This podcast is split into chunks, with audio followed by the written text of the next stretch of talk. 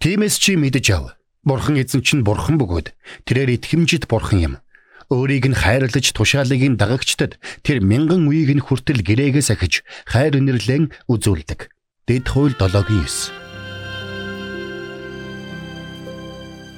Мэргэний сонсог мэдлэгэд хэлэг. Ухаалаг нь мэрэгэн өдрөмжийг мөн авг.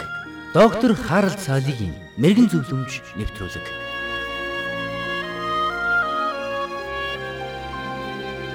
Нэгэн сонсогч маань бидэнд хандаж ийхүү бидсэн байна.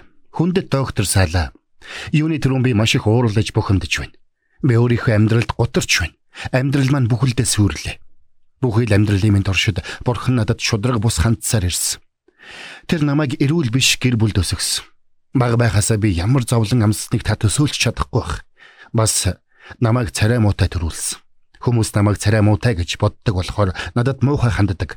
Би өөр юу хийхээ мэдхээ болоод аргагүй эрхэнд ингэж бичиж байна гэсэн байлаа. Тэр мөн өөрийгөө ичимхий гэж тодорхойлсон бөгөөд өөрийгөө маш эмзэг учир, маш амархан гомддог гэж тодорхойлсон байсан. Өнөөдөр түүнтэй адил зовлонтой адил үзэл бодолтой хүмүүс олон бий. Тэгвэл бидэнд нэг асуулт гарч ирнэ. Таны амьдралд буй зовлон шаналлд бурхан хэрэг хамаатай юм бэ? Захирал бичсэн найзын маань хэлсэнчлэн бид ядуу эсвэл эрүүл биш гэр бүлд төрж өссөн нь бурханы буруу юу? Бидний амьдралд тохиолдож буй шудраг бус бүхэнд бурхан хэр хамаатай юм бэ? Би ингэж төрсөн нь бүхэлдээ бурханы буруу гэж хэлэх нь хэр үндэслэлтэй вэ? Мэдээж бидний амьдралд тохиолддог асуудлуудыг бид хөнгөн үзэж болохгүй. Хүн бүрийн асуудал тухайн хүндээ маш хэцүү байдаг. Миний дээр дурдсан сонсогч шиг нэрээ нууцлан загтал илгээж буй хүмүүс үнэхээр аргаа барсандаа л ингэж бичиж байгаа. Тэд зовлонгоо яаж шийдэхээ мэдэхгүй байгаа учраас л ийм зүйл хийж байгаа. Тиймээс тэднийг бид ойлгох ёстой. Мэдээж бид угаасаа эцэг ихээ сонгож төрдөг хүн гэж байхгүй шүү дээ. Тиймээс яаж хийгээд аргаа олоод амьдр гэж зөвлөг амархан. Гэхдээ тэгэж хэллээ гэд бид тэр хүний зовлонг нэмгэлж чадахгүй. Учир нь үүний цаана илүү гүн гүнзгий асуудал нуугдж байгаа. Тэгвэл бид нэг зүйлийг бодох хэрэгтэй болно. Бидний амьдралд тохиолдсон зовлон бэрхшээлийг бурхан өөрчлөх үүрэгтэй гэж бид хүлээх нь хэр оновчтой вэ?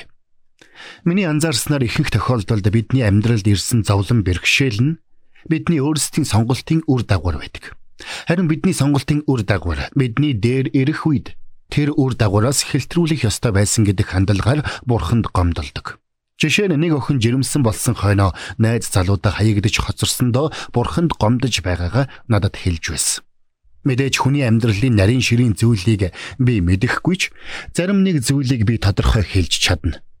Бурхан үнэхээр бидний залбиралд хариулдаг.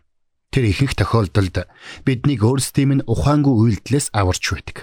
Тэр үнэхээр зовлон бэрхшээлийн дунд бидний хорогдох байр болж чаддаг. Гэхдээ бид буруу сонголт хийх үед Бурхан дандаа биднийг үр дагавраас нь авраад байдаггүй гэдгийг Библиэд маш тодорхой өгүүлсэн байдаг. Үүнийг ойлгохын тулд Библийг гүнзгийрүүлэн судлах шаардлагагүй. Энгийнээр гүйлгээд уншихдаж энэ бүхэн тодорхой харагдана би буруу хөрөнгө оруулсан байлаа гэд. Бурхан дандаа миний төлөө хөрөнгийн зах зээлийг орвонгоор нь эргүүлээд байдаггүй гэдгийг бид ойлгох хэрэгтэй. Эсвэл бид хүсэхгүй байлаа гэд.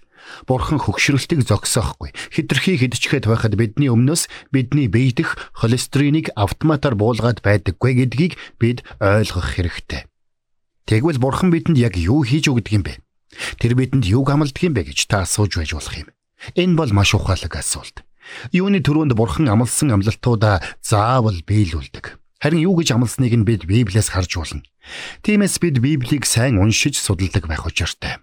Библиэр дамжуулж бурхан бидэнд хэлэхдээ бид юу тарснаа хураадаг гэдгийг батлан хэлсэн байдаг. Тиймээс бидний ажил хөдөлмөрч мөн үр жимсээ өгдөг гэдгийг бид санах хэрэгтэй. Мөн бурхан бол бидний гим нүглийг уучлж бидэнд зөвхт амьдралаар амьдрах хүчийг өгдөг нэгэн гэдгийг батлан хэлсэн байдаг. Тэр бол итгэмжит бурхан бөгөөд хайр инэрлээ бидний мянган үед хүртэл буулгадаг нэгэн гэдгийг бид ойлгох хэрэгтэй. Дуулал 1-р бүлэгт өгүүлэхтэй. Буруутуудын зөвлөгөөгөөр алхдаггүй. Нүгэлтнүүдийн зам дээр зогсдоггүй. Басамжлагчдын байранд суудаггүй хүн ёроолтой. Эзний хуулийг тэрээр багтаж энэ хуулийг өдөр шөнөгүй бясалгана гэсэн байдаг. Найз минь энэ амлалт одоо ч үнэн хിвэр гэдгийг санаарай.